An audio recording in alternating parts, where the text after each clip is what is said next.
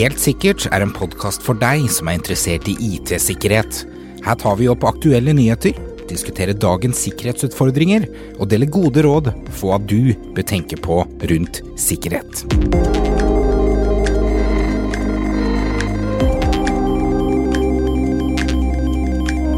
Hei sann, og velkommen til Helt sikkert. Mitt navn er Stian. Mitt navn er Alexander. Og i dag skal vi snakke litt grann om eh, Totok. Det blir et spennende tema. Og så, ja, så har vi også litt om eh, skimming og magekart. Vi har også litt om eh, et nytt ransomware som kom nå i jula, som heter Death Ransom. Og til slutt skal vi snakke litt om vårt favorittema, Microsoft. ja. Så Totok. Har du erfaring med Totok, Alexander? Akkurat det har jeg egentlig ikke hørt noe om før den saken her. Men det begynner å bli Kommer opp mer og mer spying tools, da.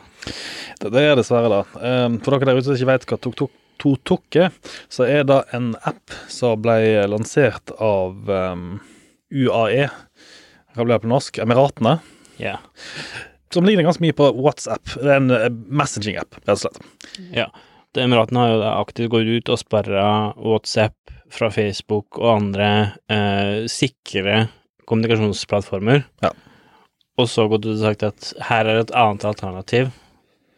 Ja, det, det er jo det. De, de har kommet med sitt alternativ til disse tjenestene. Um, og nå viser det seg at uh, sikkerhetsforskere har funnet ut at denne appen den sender da informasjon tilbake til uh, myndighetene i uh, Emiratene. Og kan spionere også på telefonen. hva som ligger på telefonen. Den får tilgang til kontakter, den begynner å sende SMS-er tilbake igjen. Så det er ganske mye som er ganske Jeg vil kalle det stygt. Ja, det var vel også det at den, den tok og sendte over alle kontakter i kontaktlista di, sånn at de visste hvem personer du hadde som kontakter også. Ja, så det, det er jo egentlig spioneringsverktøy. Eh, Så de ble, det som skjedde, var at de ble fjerna fra Google Play. Eh, og det er ganske drastisk steg når faktisk Google går inn og fjerner en eh, såpass stor app. Og de hadde jo ganske mange brukere, denne appen. Det var jo snakk om mange millioner brukere. Det har ganske store konsekvenser ved å gå inn og gjøre en sånn stor fjerning. Google går jo inn og fjerner apper ganske ofte, men da er det snakk om kanskje små apper, små ting som eh, utgir seg for f.eks. falske antivirusprogramvare, falske sikkerhetsprogramvare, Kanskje ting som har kanskje 10-15 brukere på seg. Men her snakker man altså da om en eh, app i, i millionklassen. Ja, for det, det de stort sett den appen den ble brukt til, var jo for å at andre kan ringe hjem til noen som befinner seg da i Emiratene, og kunne kommunisere over internett istedenfor å bruke te telleskritt, som kanskje kan være litt dyrt og sånne ting. Ja. Og når du da sender over all dataen, så får det full kontroll og, eller oversikt over hvem som du snakker med, og hvem som snakker med hvem, og hva, hva som er dialogen.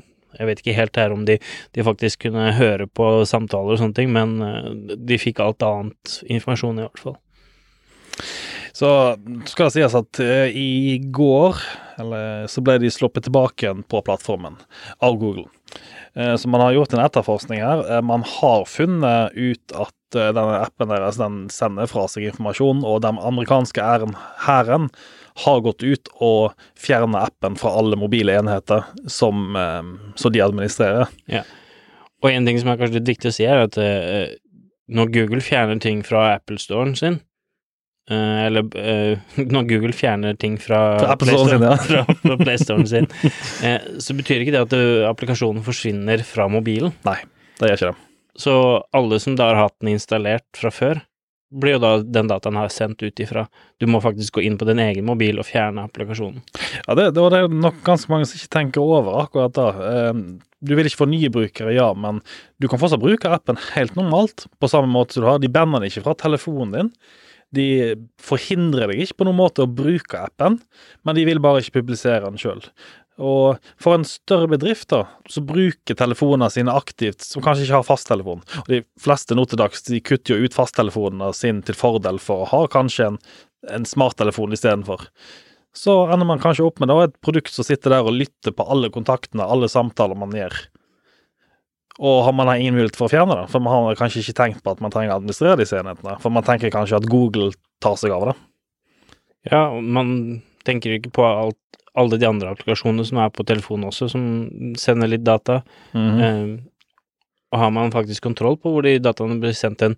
Og nå når faktisk stater og land lager applikasjoner for hensikt å, å skaffe informasjon, da, eh, så blir jo det her mer og mer enn kanskje noe vi begynner å se som en digital krigføring. Ja, i noen tilfeller, så iallfall når, når du har eh, statlige enheter, slik som Emiratene, går ut og lanserer en egen app, så er det veldig lett å se på dette her så faktisk som krigføring. Og, og så veldig store forsøk på spionasje på andre, andre, andre land. Mm. Så jeg vil, jeg vil si det er skummelt, og fordi at disse organisasjonene har jo også veldig mye ressurser bak seg. De har, mye, de har uendelig med penger, kan man egentlig si, for det er staten. Så hvordan skal man egentlig klare å stoppe dem? Ja, og veldig få tar vel, går inn og ser hvem som har laga applikasjonen, og hvor den kommer fra, og undersøker de applikasjonene du bruker, hvem som egentlig er eh, programmerer, og, og hvem som har laga koden her. Um, så man vet jo aldri de applikasjonene man bruker. Er det kun en spill, eller er det noen som har laga det spillet for å samle informasjon? Ja, det, det er det, da. Eh, Så man skal egentlig være forsiktig hva man Man skal, be- skal behandle egentlig telefonen sin som om det var PC-en som faktisk er i bedriften. Eh, Ta på meg, for eksempel. Jeg har e-posten min der. Jeg har synk med Google Drive, så jeg har dokumentene mine der. Jeg har kobla den opp mot Outlook, eh, og med, med sikkerheten som finnes der, så har jeg OneDrive på telefonen. Ja. SharePoint har jeg liggende der, selvsagt, for jeg må jo ha tilgang til filene mine. Så egentlig så har den lille telefonen min som jeg har i lomma, tilgang til absolutt alt som PC-en på kontoret mitt har. Og det Nå har det vært bygd inn litt mer sikkerhet, men det veldig få vet, er at eh, når en applikasjon spør om å få tilgang til media, eh, så får den tilgang til et område som alle andre applikasjoner også lagrer ting. Så for eksempel hvis du da laster ned en PDF eller en ting fra for eksempel en webleser eller en, e-postleser, så kan en annen applikasjon gå inn og lese den filen. Så da du, da du egentlig spør om hei, kan jeg få tilgang til disken din, Ja. hadde det stått der, så hadde kanskje folk vært mer skeptiske Det- til å gi Basically så er det, det det du spør om når du får tilgang til media på telefonen. Så nå skal det jo sies at Google har blitt mye flinkere med disse advarslene. Eh, det står media på telefonen i dag, men kanskje det heller burde stått kan jeg få tilgang til alle filene dine. Ja. Folk hadde kanskje vært litt skept, mer skeptiske til å gi fra seg den tilgangen. Ja, mer og mer lagrer vi på mobilen. Det som du sier, det, du har tilgang til alt, og man bruker mobilen mer og mer til å ha, ha fort tilgang til ting når man er på farten og sånne ting. Så mye av den dataen man har på PC-en, er også på mobilen. Men dette viser jo også litt, grann, eh, spesielt hvis vi tar det tilbake til den amerikanske hæren, som går ut og så bannlyser TokTok fra alle enhetene sine. Eh, så, Det ene er at de går ut og sier at det er forbudt, men de går, gikk faktisk inn også i MDM-løsningen sin og blokkerte folk fra å Ikke bare for å installere det, men de fjerner det også fra mobilene til folk. Ja, Og det er jo det med at veldig få i dag bruker en MDM-løsning og har en sentral kontroll. Ja. Så de som har peil på sikkerhet, kan gå inn og faktisk fjerne. En vanlig bruker i en bedrift i dag har ikke så veldig mye peil og vet ikke, tar ikke eh, og tenker over hver gang de installerer en applikasjon og, og følger med på hva som er sikkert og go en bra applikasjon som Nei, men det er jo ikke, det er jo ikke jobben deres heller, egentlig. Altså hvis du, Selv om vi som sikkerhetsfolk er veldig opptatt av at alle folk skal tenke sikkerhet, så gir jo ikke folk det. Nei, og derfor er jo da en MDM-løsning mer og mer viktig, for det, det er den eneste måten de som har peil på sikkerhet, kan gjøre en ting. Da. Det er liksom dere som er IT-administratorer der ute nå, som sitter med patch-systemet til eh, med Vesus, f.eks. til Windows. Hvorfor har ikke dere MDM og patch-systemet til telefonene deres? Da syns jeg dere skal gå og stille lederen deres da spørsmålet, for det, det er akkurat det samme. Ja, og det er jo sånt med eh, veldig mange Android-telefoner som aldri blir oppdatert, og nesten ikke kommer sikkerhetsoppdateringer heller. Så de sårbare funksjonene som er på mobilen, blir mm. aldri patcha. Nei, så og, og, og litt av grunnen til det er jo fordi at eh, måten Android har strukturert operativsystemet sitt på, og Google har strukturert det, er at Google kommer ut med anbefalinger på patcher som skal fikses. Yeah. Og så kommer de også ut med kode på hvordan det fikses, men de, til slutt så er det leverandøren av mobilen, f.eks. sånn som Samsung, som publiserer patchen. For de har sitt eget UI på toppen, de har sine egne Mm. applikasjoner. Og ofte så kan det ta flere måneder før faktisk leverandøren av telefonen kommer med en patch. Ja, og hvis telefonen er eksempel mer enn tre år gammel, så har kanskje leverandøren slutta å ha lyst til å jobbe noe med for å levere en patch til den også. Ja, altså, noen tilfeller så kan det også bli ganske umulig, fordi telefonen i seg sjøl slutter å supportere oppgraderinger fra Android. Slik at man blir sittende med en veldig gammel versjon. Det blir litt som å sitte med Windows 7. Sant? Altså, Ja. du er stuck med en veldig gammel versjon. Ja, og det går, versjoner av eh, Windows går jo ut og ble jo slutta supportert også. Så Ja, det har du helt rett i. Og det tar oss litt over på et eh, annet kult tema, som, eh, som er Windows 7. For eh, dere som sitter der ute nå, iallfall innenfor IT-verden, burde kjenne til datoen som kommer opp nå neste uke. ja.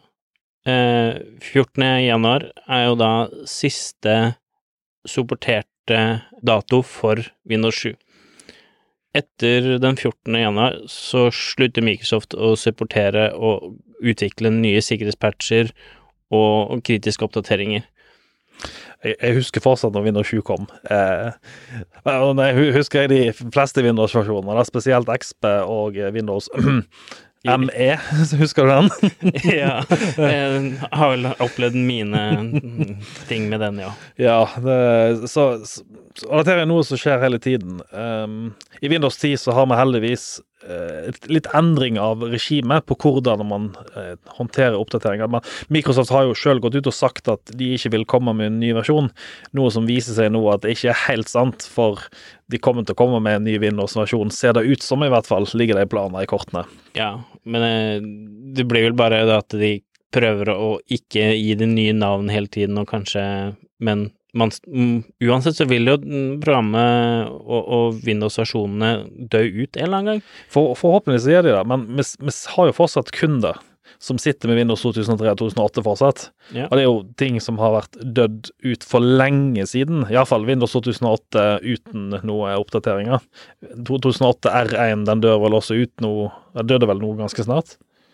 Ja, nå har ikke jeg alle dataene i hodet her, men eh, Windows eh, 7 og, og den tilsvarende Windows server-versjonen døde ut eh, samtidig. Ja.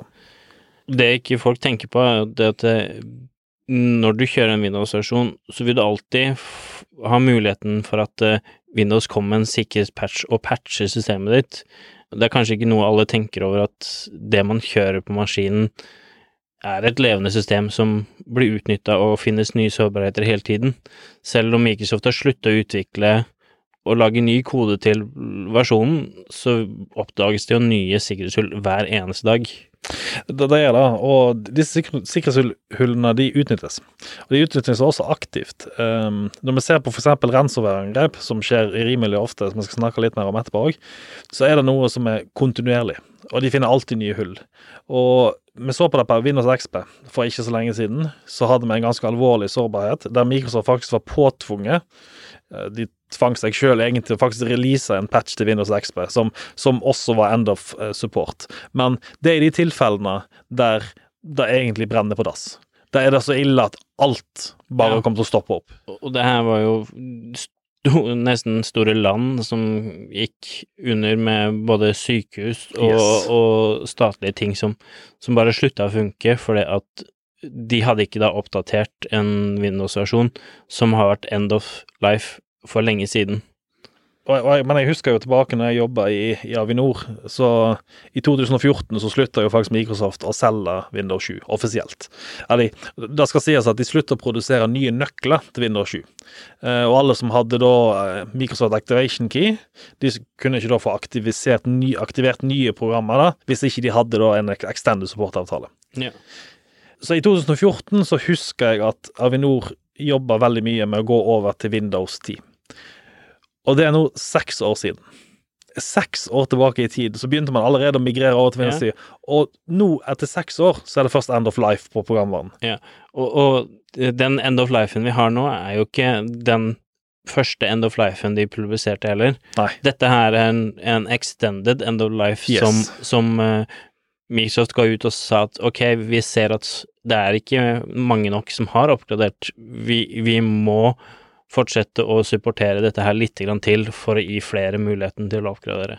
Så, så dere som sitter der ute nå med Windows 7 og ikke har kjøpt eksterne support, så gikk faktisk supporten deres ut for flere år siden. Ja, veldig mange av de har jo fått mottatt eh, patcher og sånne ting, men den er ikke lisensiert for patcher. Nei. Så du kan risikere å ikke få de sikkerhetspatchene. Du får kanskje de mest kritiske som er Men sikkerhetspatcher og allting slutter jo helt nå.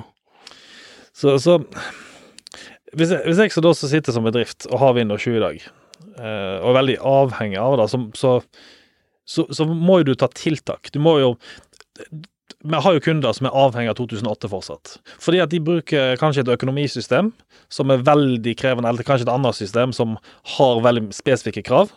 Det er, ikke, er kommet oppdateringer til økonomisystemet, for det er kanskje veldig gammelt, en gammel versjon. Kanskje det til og med er gått ut av produksjon. Slik at de er avhengig av Windows 2008. Så men, men da må det jo tas tiltak. Det må sikres rundt operativsystemet. Ja, Og det skal også sies det at det, det er gjort veldig mange tiltak i Windows 10 for å supportere gamle versjoner. Ja. Du har funksjoner i Windows 10 som, som du kan velge å kjøre en applikasjon som om den var på en Windows 7-maskin, for eksempel. Så, så det er svært få applikasjoner som ikke er mulig å flytte over på Windows 10, men det finnes selvfølgelig noen.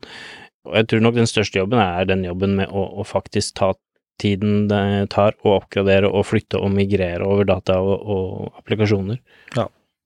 Men da å komme seg over til Windows 10 burde ikke være et problem for de fleste den dag i dag, egentlig.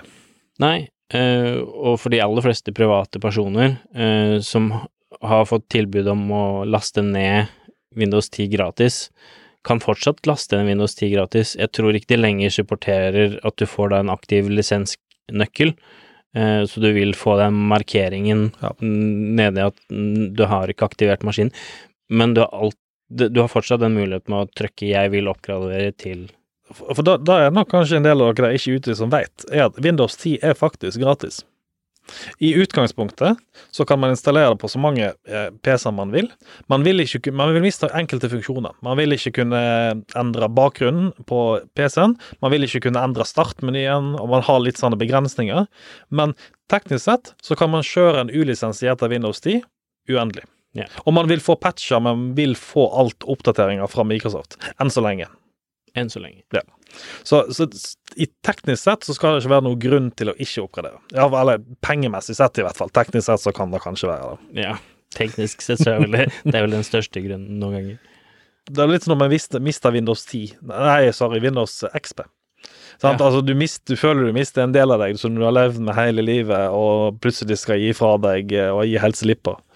Ja, og det er jo en, en Det å se liksom Windows eh, 7 og eldre versjoner ute i Da får, får du ganske minner tilbake på hvordan det var i oldtiden. Jeg husker tilbake da når Windows 10 kom og tenkte den startmenyen her kommer jeg virkelig til å hate. Den var så komplisert å trykke, og det var så mange ekstra klikk, og i dag så klarer jeg kanskje leve, jeg klarer ikke å leve uten Ja. sånn egentlig. De som da var innom Windows 8 før, før oppdatert uh, SP1 også de, har prøvd seg på mye rart, og Ja, hva skjedde da Microsoft som kom med det der nye Metro-displayet sitt med alle disse Ja. firkantene og alle disse fancy greiene? de skulle prøve å la alle maskiner bli en touch-ting. Ja, stemmer. så Det gikk ikke så veldig bra. Nei. Jeg husker at de kom på det på det Windows server òg. Kom de med sånn lignende Metro-display. Ja. Jeg har noen servere jeg fortsatt logger inn på som, som har det, og det, det er irriterende hver gang. Det er smertefullt. ja, nei eh, Windows kan gi oss både, både litt smerter og litt glede eh, til tider. Men eh, nå er nå både meg og deg litt eh, Litt mer hardcore eh, Linux-folk eh, sånn innerst inne, men vi er nå stuck med Windows, vi òg. Ja, altså man må jo bruke de tinga som kundene sine bruker for å, for å gjøre ting. Så, så, men man har i hvert fall godt kjennskap til flere plattformer, og mm, vi ser jo det at bare det å holde en plattform oppdatert, uansett hvilken uh, plattform du i, har, om det er en Windows 10 eller om det er en Linux-maskin, holde den oppdatert, uh, fordi det kommer veldig mange oppdateringer nesten hver måned som, som tetter igjen sikkerhetshull som er aktivt i bruk. Ja, det er det. Det, det, det er ganske mye aktivitet der ute. Og um, ja, spennende. De, de, de, de gir oss iallfall jobb i hverdagen, det skal sies. Men nå skal det også sies at Windows 10 har også en end of life som ikke er som veldig lenge, om mange år. De har fortsatt ikke kommet ut med noen ny erstatning, men husk som sagt, jeg i begynnelsen, Windows 10 kommer med nye oppdateringer hele tiden, som gjør at de utvider end of life. Så hvis du ikke har oppdatert Windows 10 på en god stund, så kan det faktisk være at du ligger på en end of support-avtale, fordi at du ikke har fulgt oppdatering og patching eh, til Microsoft. Ja, så hold det oppdatert jevnlig. De har fått et nytt patch-regime som gjør det enklere, ja. så det skal ikke være, være nødvendig å ta en helomvending, sånn som vi må gjøre nå, fra Windows 7 over til Windows 10. Ja. De prøver å lage et, en, en, et operativsystem som er det enklere å leve med i framtiden. Ja, de, de, går litt veien som Apple har vært veldig flink til. Um, vi skryter egentlig ikke nok av Apple til tider, men eh, de, de har vært veldig flinke med operativsystemet og patching. For istedenfor å gi ut en ny versjon hele tiden, så kommer det oppdateringer og så oppdaterer de kanskje med en major release innimellom. Men det er fortsatt ikke et nytt operativsystem på den måten som Microsoft har gjort det, men at vi egentlig begynner på nytt igjen. Ja, og sånn som Microsoft har kanskje vært flinke til, er å endre brukermønsteret til brukeren ja. vesentlig eh, fra en versjon til en annen. Nå prater jeg litt om startmenyen her, men det er jo mange andre ting i bakgrunnen som gjør at eh, applikasjoner og programmer og sånne ting oppfører seg annerledes og må kanskje bruke andre ting, da. Ja, du, du tar tilbake til Windows 8, som eh, var kjent for å bruke vesentlig mer eh, ressurser i PC-en for å vise dette her metro-displayet som var så fancy. Så, eh, så, så ble forbedra ganske greit i Windows 10. Faktisk Windows 10 er også en av de minst ressurskrevende operativsystemene som Microsoft har lansert. Og det er imponerende. Imponerende.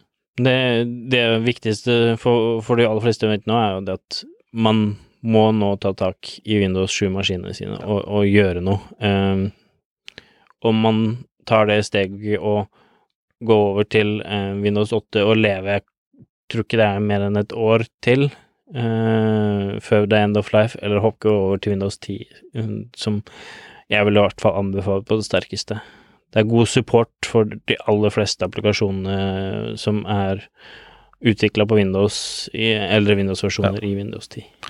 Så sitter du med i dag med rådet vi kan gi, altså sitter du i dag med Windows 7, så oppgrader eh, så fort som mulig. Ikke bli sittende som svarteper når det kommer en eh, veldig kritisk Microsoft-patch, og du sitter der med et system som ikke du kan patche. Ja, og så skjer dette, og så kommer et virus, og så sprer det seg over alle maskinene dine fordi at du sitter der med en gammel versjon som ikke er blitt patcha.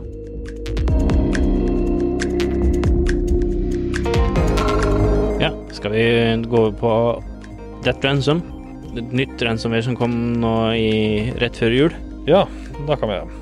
Det var litt spennende. Det kommer jo hele tiden nye ransomware. Eh, den som kom nå, den gjorde litt spennende, og navnet i seg sjøl eh, sier nå kanskje også litt hva den faktisk gjør, som er Death Ransom. Ja, og ut ifra hva vi har hørt, så hadde den kanskje en litt unormal start. Death Ransom som gikk ut og renama filene uten å kryptere det i starten. Ok, hvorfor gjorde han det? De ville da sikkert eh, prøve å tjene penger uten å bruke for mye ressurser og utvikle programvare, men de har kommet med en oppdatert versjon som eh, gjør nesten det motsatte. Den krypterer filen uten å rinevne den. Så man vet ikke Og den er stygg. Man vet ikke om man har fått ransomware, sånn som man gjør med andre ransom, at alle filene har blitt endra. Du må enten åpne filen og se den, eller finne den readme-filen som kommer, da. Den, den, er utrolig stygg. fordi la, la, oss tenke deg da at du har et skript, som, eh, et manuelt skript, som tar backup av filer. Eh, Vanligvis så kjører man jo checksum på filene og, som man tar backup av. Men hvis du bare sjekker filnavnet, så begynner den å skrive over backupen med det skriptet med en gang. Ja, yeah, den ser at det er den samme filen, Mhm. den har bare en oppdatert versjon. Og den ser også da som en som, en, som samme, ja, Samsung skriver over det. Og backup-systemet Noen vil nok kanskje bli forvirra. De fleste backup-systemer skal kjøre checksum av filene slik at de ikke skal skrive over. Men ehm, det, det, det skaper nok ganske mye frustrasjon ute i IT-miljøet når man har to filer som har forskjellig innhold. Hvilken skal du kjøre recovery av? Ja, og sånn som når du ikke ser det så lett, altså maskiner du kanskje ikke bruker så veldig ofte, du bruker bare Windows og kanskje ser litt på internett eh, i webbrowseren din, og følger ikke med at det kommer en readme tekstfil, kan ha den maskinen her da infisert med ransomware kanskje i en lang periode, før du prøver å åpne en eller her med bilder, da, som du da ikke får åpna fordi det er krypterte. Dette var et ransomware som ble oppdaga 23.12., eh, så kom det ut. Dette skjedde jo da rett før jul. Det skjedde i en periode der de fleste bedrifter har eh, ferie. Så det virka veldig planlagt, det angrepet som kom. Ja, og det er jo, som vi prata om litt tidligere, at ransomware i høytider der folk ikke er så aktive på jobb, og ikke kanskje eh, de som har med sikkerhet er eh, aktivt inne og følger med på ting, så har eh, sånne aktører med vilje satt inn klutene for å, å prøve å kryptere med mest mulig maskiner.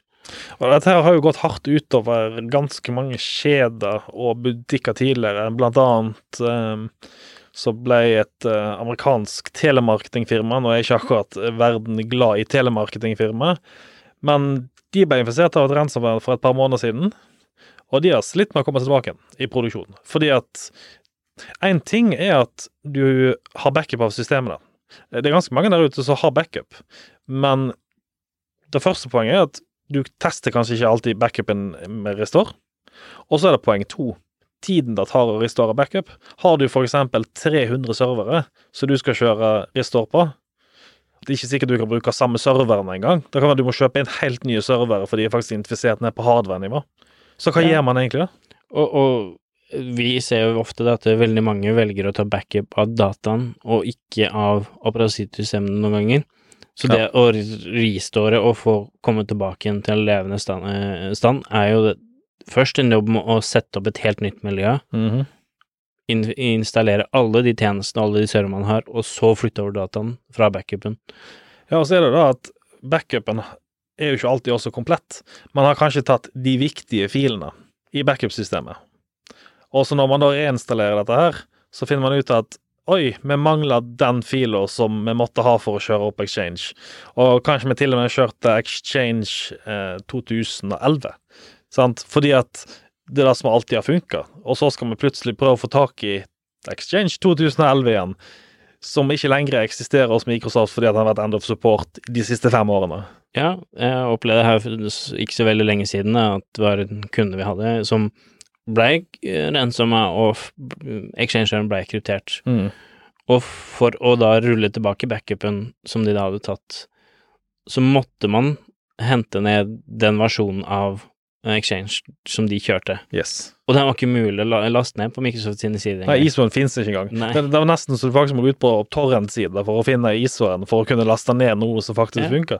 Og, det, og det, det er litt galskap når man tenker på det, men jeg som IT-person tenker tenker jo bare at det er jo tilgjengelig uansett. sant? Altså Microsoft tilbyr det jo. Men når det ender for support for Microsoft, så er det faktisk farlig for Microsoft å fortsette å levere det. Fordi at de tilbyr da noe som er usikkert, og kan dermed da i verste fall bli saksøkt for at de tilbyr et produkt som ikke er sikkert. Altså, Ja. Det blir som å fortsette å selge en bil som du vet er usikker, men du fortsetter å selge den, og, og så til slutt sier noen at ja, du får ikke lov å selge den lenger. Ja, da gir man bort, da. Ja. Sant? Og så da får du du får jo, blir jo saksøkt for det òg fordi du ga han bort gratis. Noe som du visste ikke var trygt. Ikke sant. Og det som ofte også skjer, som jeg ser at eh, Ofte så Når man da skal oppgradere og gå over fra én versjon til en nyere versjon, mm. for eksempel SQL eller Exchange eller et eller annet sånt, så er det noen personer som oppgraderer, og kanskje ikke da prater, om de, prater med de personene som har vært og gjør backupen. Og de som gjør backupen, ser at backupen, gamle serveren kjører hele tiden. Ja. Men de har ikke gått over til backup av den nye maskinen. eh, så plutselig opplever man at da man har to-tre år gammel backup, som man da fortsatt tar backup av, men Mhm. det er ikke noe ny data der. Ja, og dette her er jo Dere som sitter der ute nå som IT-ansvarlige, kjenner dere nok eh, godt igjen. Og dere som sitter der litt høyere oppe i systemet, eh, har vel kanskje også vært borti noen saker der man ikke har fått tilbake det man ønsker for backupen fordi at den har ikke tatt riktig. Ja. Og, og så tror man at alt er bra. Uh, og altså, dette her gjelder jo alle, egentlig. Selskaper generelt sett er veldig dårlig på å teste recovery.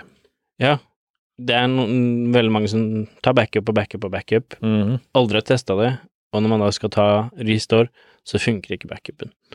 Eh, og det ser vi skjer hele tiden. Og så er det så mye opprydding. Fordi at du må da finne ut hvorfor ikke du får eh, restore. Så må du kanskje restore tilbake igjen i tid.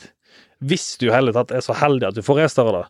Eh, ta en eksempel kun, for eksempel. Der må du jo først da få et gammelt operativsystem, for det, det, det er det første. Det er greit nok at du kjører Exchange 2011, men du må jo tilbake til Windows 2003 òg. Ja. Så du må, du må jo starte der. Og så må du finne hardware som støtter Windows 2003. For uh, la oss si at da serveren ikke virker lenger, og- du, alle diskene som er installert på, uh, ikke kan brukes lenger. Så Ja, du du finner, finner ikke drivere som eh, På nyere hardware så er det vanskelig å få drivere på gamle systemer. Og så begynner du å tenke, sant Hva hvis vi bare oppgraderer til nyeste versjon, da? Og så er det oi, men den backupen vi har, er fra 2011, den kan ikke du bare fyre inn på et nytt system, for den ikke støtter det nye systemet. Så du må da få installert det på et gammelt system, oppgradere, oppgradere, så over på det nye systemet, og så, hvis du er heldig, kan du kjøre ut en ny kopi, og så kanskje litt tilbake igjen på det gamle stedet, for det var noe som mangler.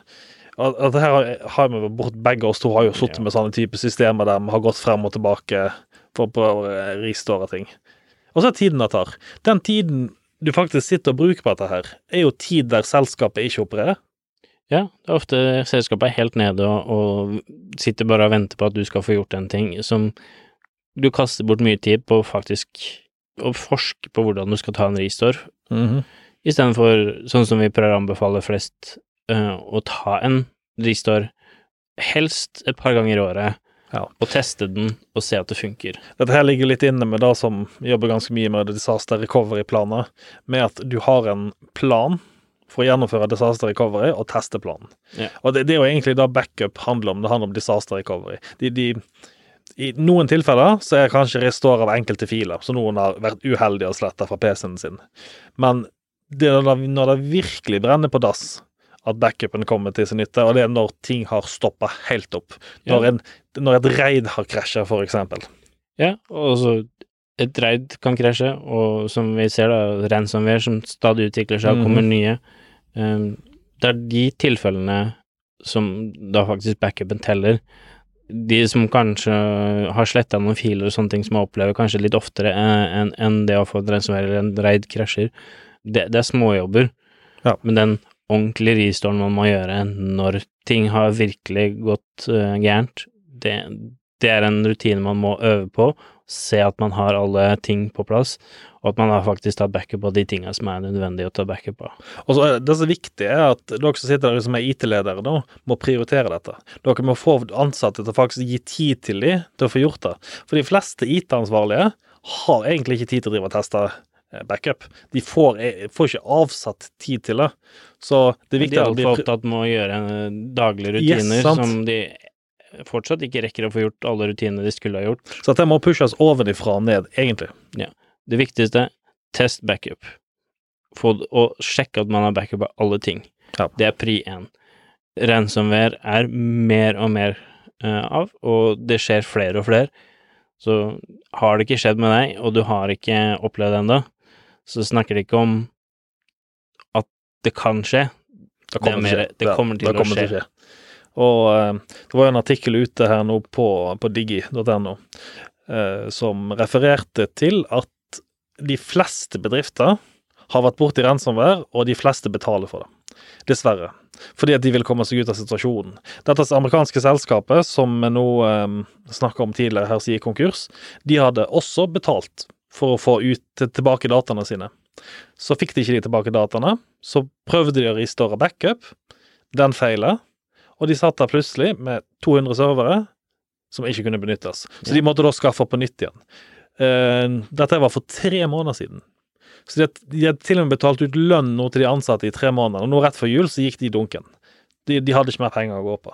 Og IT-ansvarlige som prøvde å bygge dette opp igjen, stopper stopp også helt opp.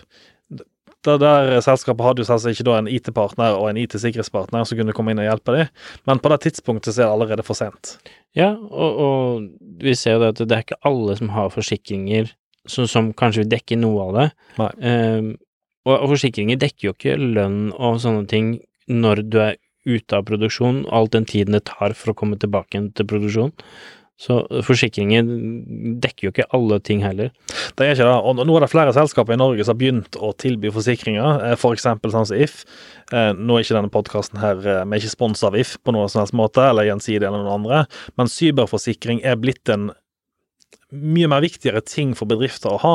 Fordi for det første så får du økonomisk hjelp når det faktisk skjer noe. Men disse forsikringsselskapene har også sikkerhetskompetanse ved eksterne selskaper som de bruker. Slik at hvis du ikke har en IT-partner, så gå i hvert fall til forsikringsselskapet ditt og spør om de har en, for de fleste har det. Ja, de fleste som leverer en, eh, en IT-forsikring, har en sikkerhetspartner yes. du kan referere til eller bruke. Så gå i og, hvert fall der og få hjelp. Ja. Da får du også eh, muligheten for å agere mye fortere og, og, få ting tilbake igjen til en levende tilstand mye fortere. Ja, for da, da, er det ikke nødvendigvis en økonomisk hindring heller som står i veien. Og jo mindre blokader man har som står i veien for å faktisk komme tilbake til normalsituasjonen, jo bedre er det. Og, um, og ikke betal. Det, det er Nei, de, de, de som betaler, eh, gjør jo bare det at eh, de som har lyst til å lage ransomware, og de som faktisk tjener på det, ser gevinsten i å lage nye og, og utvikle og komme med enda flere ransomware. Ja. Det har blitt en så stor business at det er lukrativt for folk å lage ransomware. Noen ganger så er det mer lukrativt for de å, å, å gjøre det enn å skaffe seg en ekte jobb, liksom. Ja, men altså, jeg skjønner jo godt. Altså, hvis du kan få fire millioner fra et selskap på å infisere de med et rensomvær ja. hvorfor Altså, det, det, koster meg ingenting. Når jeg først har lagd viruset, og får, sendt det ut i verden, så, så, så, har jeg brukt det, det, det, er akkurat som å utvikle et produkt. Da er produktet ute. Ja, og nå har det blitt så enkelt å lage nye former av ransomware at det er nesten en klikk-klikk-wizard eh, på en webside ja. for noen som, å betale en liten sum. Og så har du laga en ny form for en ransomware du kan installere på kunder du på en måte ser stor gevinst i. Så ja, nei um, ja, Hva skal man si egentlig til noe sånt? Nei, ransomware har kommet for å bli, tror jeg. Eh, det, er det. Det, det, er et marked for det, og, og, og, så lenge folk betaler, så er det et marked der. Hadde folk slutta å betale, så hadde også ransomwaren sluttet å bli utvikla. For ja. er det ikke penger i det lenger, så er det heller ikke noe poeng i å bruke penger på å utvikle det. Nei, og, og, folk som da mm, sier det at de har en beskyttelse, altså de har antivirus og sånne ting, tenker ikke helt over at ikke alle antivirusapplikasjoner har noen form for en ransomware-beskyttelse. Eh, et ransomware er ikke automatisk et virus. Det er veldig lett å misforstå de to tingene, eh, fordi at de oppfører seg litt på samme måte. Men du har helt rett, det er jo ikke det samme. De, de har to helt forskjellige funksjoner. Veldig mange mm, antivirusbeskyttelser som man kanskje ikke har, har valgt å gått den veien, eller man har lisensiert det sånn at man må betale ekstra, og du ikke har valgt å betale den ekstra summen for å få den oppdaterte versjonen, Nei. har ikke beskyttelse for ransomware. Nå skal det sies at Windows 10 den har kommet med verktøy for å beskytte mot ransomware, men den er begrensa. Ehm, de måtte nå for ikke så lenge siden trekke tilbake igjen ransomware-beskyttelsen sin, for den hadde visst gått litt ehm, gått litt galen på, eh, på, en del corporate-maskiner. Så de måtte rett og slett trekke tilbake produktet. Men det skal også sies at den er veldig begrensa hvordan den brukes. Den beskytter deg i min, min dokumenter og den beskytter Windows-mappa, men ellers så er det ikke noe beskyttelse igjen. Nei, så for eksempel servere som har installert Exchange, SQL og sånne ting, og kanskje ikke har fulgt guiden 100% der automatisk eh, sånne ting som eh, Windows eh, ransomware-beskyttelse og sånne ting vil passe på, kan da fort bli kryptert allikevel. Og, og så finnes det selvsagt andre leverandører, eksempel sånn som Sofos har et eget produkt, og eh, har vel nå også ransomware-beskyttelse kommet nå. Så, så det er flere leverandører på markedet å velge mellom hvis man først skal gå for det. Men for eksempel, har du ikke penger, gå til Microsoft og få noe der. Altså, selv om det ikke er det beste produktet, så hjelper det iallfall på veien. Ja, minimum gå ut og så undersøkt om det, det produktet du bruker i dag, har noen form for ransomware-beskyttelse. At Ja. det ikke bare er en ren antivirus som tar vanlig malware og virus. For det ransom, som sagt, er ikke alltid noen ting i et sånt verktøy vil ta. Og som et litt avsluttende punkt, vi snakka om Death Ransom som, eh, som innledning til dette. her. Den har ingen måte å dekryptere dataene for øyeblikket som er offentlig kjent. Slik at eh, den eneste måten å få tilbake det der, er å, å betale, som ikke anbefales, selvsagt, eller å kjøre restore backup. Ja. Så det å og betaler du, betaler du så, så, så, så er du som sagt ikke garantert å få noe tilbake. Nei, vi ser jo det er flere og flere som velger å betale og har mindre og mindre sjanse for å få ting tilbake, for det er det er eh, sikkerhetsbyråer og, og sånne ting som eh, statlige aktører som går ut og så fjerner servere og tjenester til de som faktisk har krypteringsnøkkelen. Ja, sant. Eh, Men også et annet tips. eh, Hvis du har fått ransomware, og du der ute nå har ransomware, ta kontakt med IT-partneren din. Ta kontakt med IT-sikkerhetspartneren, for i ganske mange tilfeller så, er det mulig å få tilbake dataene som er blitt kryptert. Er, mange av disse nøklene ligger åpent tilgjengelig, så ikke bare gå med en gang og betal eh, det du har. Hvis du får en timer som f.eks. teller ned, ring med en gang til IT-partneren. Og ring med en gang til IT-sikkerhetspartneren. Og hvis det er klokken tre om natta, ring fortsatt IT-partneren. Ja, det, De, de bryr seg ikke om eh, tidspunkt eh, og eh, når det kommer til de tingene der. Bare ta kontakt med en gang, slik at man får starte. Tid er essensielt når det kommer Ja. til disse bitene. ikke vent. Det er, det er veldig viktig å ikke vente. Det er helt rett.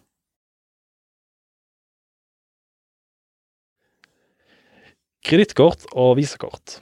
Der finnes det mye der ute. Det at det finnes så mye av det, gjør også at det er veldig ettertrakta for kriminelle å få tak i.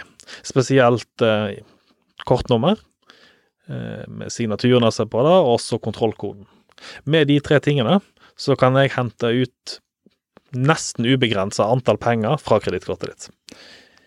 Eh, Da gjør det også veldig attraktivt å gå etter selskapene som tar imot kredittkort. Og nå har det jo vært eh, juletider og helligtider eh, i det siste, så veldig mange har vært ute på en nettbutikk, brukt eh, kortet sitt på online store og, og handla litt i det siste. Så akkurat det med skimming har jo vært veldig mye nå i juletiden. Tiden. Ja. Eh, og mens man tenker fort ikke over nettbutikker som en plass der man kan hente kortinformasjon.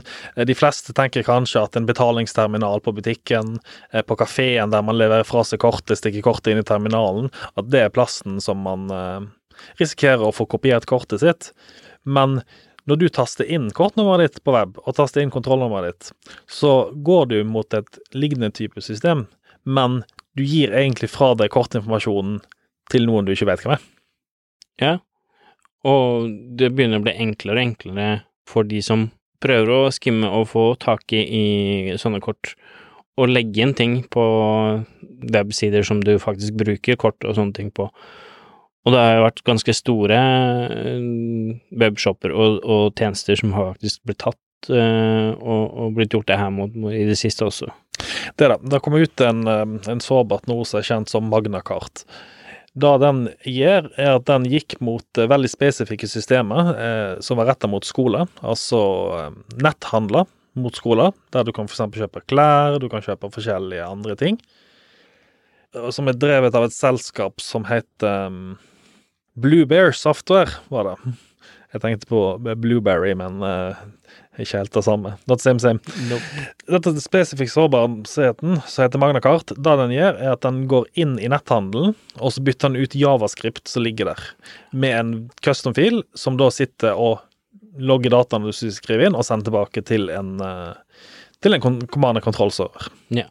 Og det ikke alle tenker på, er at eh, en, en Java-fil behøver ikke nødvendigvis være hosta hos den leverandøren, for eksempel netthandleren du har. Nei. Veldig mange har eksempel reklame og sånne ting fra andre leverandører på en webshop og sånne ting for å tjene litt penger, eller de har en form for analytics eller et eller annet sånt som faktisk leverer en, en Java-fil. Ja, javascript, nei, tenker du på. Ja. Ja. Og de kan jo da bli angrepet av andre og infisert. Ja, fordi at alt jeg trenger å gjøre, er egentlig å sette opp en proxy. Altså Hvis jeg ser på det fra et IT-teknisk standpunkt, sette opp en proxy, så tar den javascript-filen og bytter den ut med min egen. Uh, Da må jeg selvsagt ha kontroll på nettverket mellom brukeren og websiden. Men hvis jeg gjør det direkte på websiden, derimot, gjør det rett på webserveren og bytter Ja. ut den fila Eller eh, du trenger ikke gjøre det så vanskelig engang. Alt jeg trenger er å bytte ut hvor den fila skal gå mot. Ja. Og det er det som har gjort i dette angrepet her, at de lasta ikke opp filen på serveren engang. Det eneste de gjorde, var å si at istedenfor å gå mot adresse A, så skal du nå gå mot adresse B. Filen som lå på adresse B, den gjorde akkurat samme informasjonen, men hadde et tilleggssteg som var å samle opp kredittkontoinformasjonen og sende det videre til en tredjepart. Ja, det, den ga deg all det du forventer, og tok ut eh, kredittkort i tillegg. Uten å gå ut og så lese koden linje for linje, Nei. så har du ikke mulighet til å se det. Du har ikke det, og for, for din del som bruker, det eneste du vil oppdage, er at du sender informasjon til en annen server, egentlig. Og det er alt du vil se, du, og du vil ikke tenke over det egentlig heller, fordi at i de fleste tilfeller så bruker netthandler en tredjepartsleverandør for å prosessere kredittkort og visakort. Ja. Og, og en, når du går på en webside, så er det ikke alle filene som automatisk blir lasta ned fra den serveren du går på alt heller. Eh, Du ser jo de aller, veldig mange kjører Google Analytics, så vi har automatisk koblet mot Google. De legger til en font eller et eller annet sånt. også et tredjepartsbiblioteker, sant. Altså, dere som sitter og utvikler der ute, hvor mange tredjepartsbiblioteker bruker ikke dere når dere driver og lager applikasjoner deres? Eh, Ja. Sjøl så gir vi det enkelt. Og så vi bruker noe som allerede eksisterer. Da går det mot en tredjepartsleverandør. Og vi ser jo da i surikatene våre at vi får ofte alarmer på tjenester som er legitime, men som da går mot en .io-adresse, eksempel. Som Ja. har leverer en eller annen bibliotek i javascript som noen har brukt på en intern applikasjon hos en kunde. Og, det, det er sånn Det er veldig bad practice å gjøre det på den måten, men vi gjør det fordi det er enkelt. Og det gir jo også disse her netthandlerne som bruker denne mm, koden som ble utsatt for sårbarhet. Ja, og, og da er det ikke ofte det at eh, de som utvikler websiden, utvikler tjenesten, får det her med seg heller, for de er ganske sikre på at ok, det vi har på våre server, det, det sjekker vi, det vet vi, vi Mhm. har utvikla og kontroll på det, ingen har vært inne og gjort noe med det her. Men alle de ekstra tre, trepartstinga du laster inn, som også kan gjøre noe med siden din, det, det tenker ikke alle over. Og, og det, det er liksom alt ifra kanskje et par andre websider eller andre webtjenester du kobler deg til når du laster en vanlig side. Så, og dette her var jo et amerikansk selskap, så eh, i de fleste tilfeller her eh, så forhåpentligvis er det ikke mange nordmenn der ute som har brukt dette. Eh, hvis det er noen der ute som har vært inne på eh, Blackbear Software, eller bruker Blackbear Software, så ber vi dere ta kontakt med kredittkortselskapet så fort som mulig og få bytta kredittkortet og låst ned kredittkortet. Det er iallfall første tips som jeg kan si. Ja. Uh, men så er jo ikke dette her skimming uh, noe som bare er for dette her nå. Det, det har vært flere store uh, websider som har blitt tatt for skimming i det siste òg. Ja. Så følg med på hva som blir trukket av kreditt- kredittkortet ditt. Og vi her i Norge er jo veldig heldige som aller fleste kredittkortet får her, har jo en eller annen form for forsikring. Ja, ikke bare forsikring, men de fleste tjenester som eh, har bankkort i Norge, de er knytta opp mot eh, bank-ID og, eh, og tofaktorverifisering. Ja. Men en vanlig måte for skimmere å hente ut kredittinformasjon, det er å finne en tredjepartsleverandør og som ikke har verifisering. Et eh, godt eksempel på det er f.eks. parkeringshus. I EU i dag så kan man, jeg mener det under 400 kroner, så kan man gjøre det uten kode. Det er den NFC-saken, sånn at du kan bippe, og så, eh, og så godkjenner den kortet. På samme måte så kan man bruke for å hente ut penger fra et kredittkort. Man bipper et veldig lavt beløp, og da, skjer to ting. da. For det første så vet man at kortet er aktivt. Og man vet da at neste gang de skal bruke det, så kan de hente ut et større beløp. Ja. Hvis kortet hadde vært sperra, så hadde man ikke fått, heller fått tatt den testen første gangen. Så de bruker sånne her eh, jeg kaller det usikre tjenester på å teste om kortet er aktivt eller ikke, når du faktisk prøver å svindle. Så dere som har tjenester der ute, som tillater sånne type lave transaksjoner, så ville jeg også hatt noe overvåkning derpå, som faktisk sørger for å finne ut om man bruker mange kort, mange små kort, om det er hvor kortene stammer fra, om det er andre land de stammer fra, eksempel. Overvåkning på denne biten der. Dette selskapet som nå ble utsatt for denne svindelen, kunne fort ha stoppa dette. Ved å ha eksempel overvåkning av filene på serveren. Så hadde de eksempel hatt et system som sitter og sjekker filene, og sjekker hashene på en eksempel .html-fil i netthandelen sin, så hadde de fort funnet ut at noen har vært inne og endret den til å peke mot et annet sted. Ja. De kan også kjøre automatiske tester mot websiden, for de veit sjøl hvor dataene skal gå. Så hvis det plutselig går data annet sted, så har man plutselig et sårbarhet. Ja. Så det finnes absolutt tiltak man kan ta mot eh, som, som leverandør for å stoppe slike angrep. Ja, for det, man vet aldri om den tingen man prøver å laste ned fra tredjepart, har blitt endra eller ikke. Nei, da vet man ikke. Og det, det er vel noe kanskje som er å anbefale, er at eh, alle ting man kan hente ned på sin egen server og bruke lokalt, sånn som fonter og andre ting som man kobler til fra en webside, laste ned og, og, og ha kontroll på på din egen server istedenfor å bruke trepart der det går an. Ja. Så ja, nei, da, da tenker jeg egentlig var alt for i dag. Litt lengre podkast enn eh, enn vanlig, men eh, det er ganske spennende. Masse som, eh, som skjer der ute, som har mye å snakke om. Ja, et nytt år, så det blir nok mye nye spennende ting. Ja, dette blir nok ikke et stille år, for å si det sånn. Så får jeg ønske dere velkommen tilbake til episoden, og så eh, ses vi neste uke. Eller høres neste uke, i hvert fall. Ja. Takk for oss. Takk for oss. Vi får ønske alle en riktig godt nyttår. Ha det. Ha det bra. Podkasten Helt sikkert er laget av Cybron Security og produsert av Shaw Media.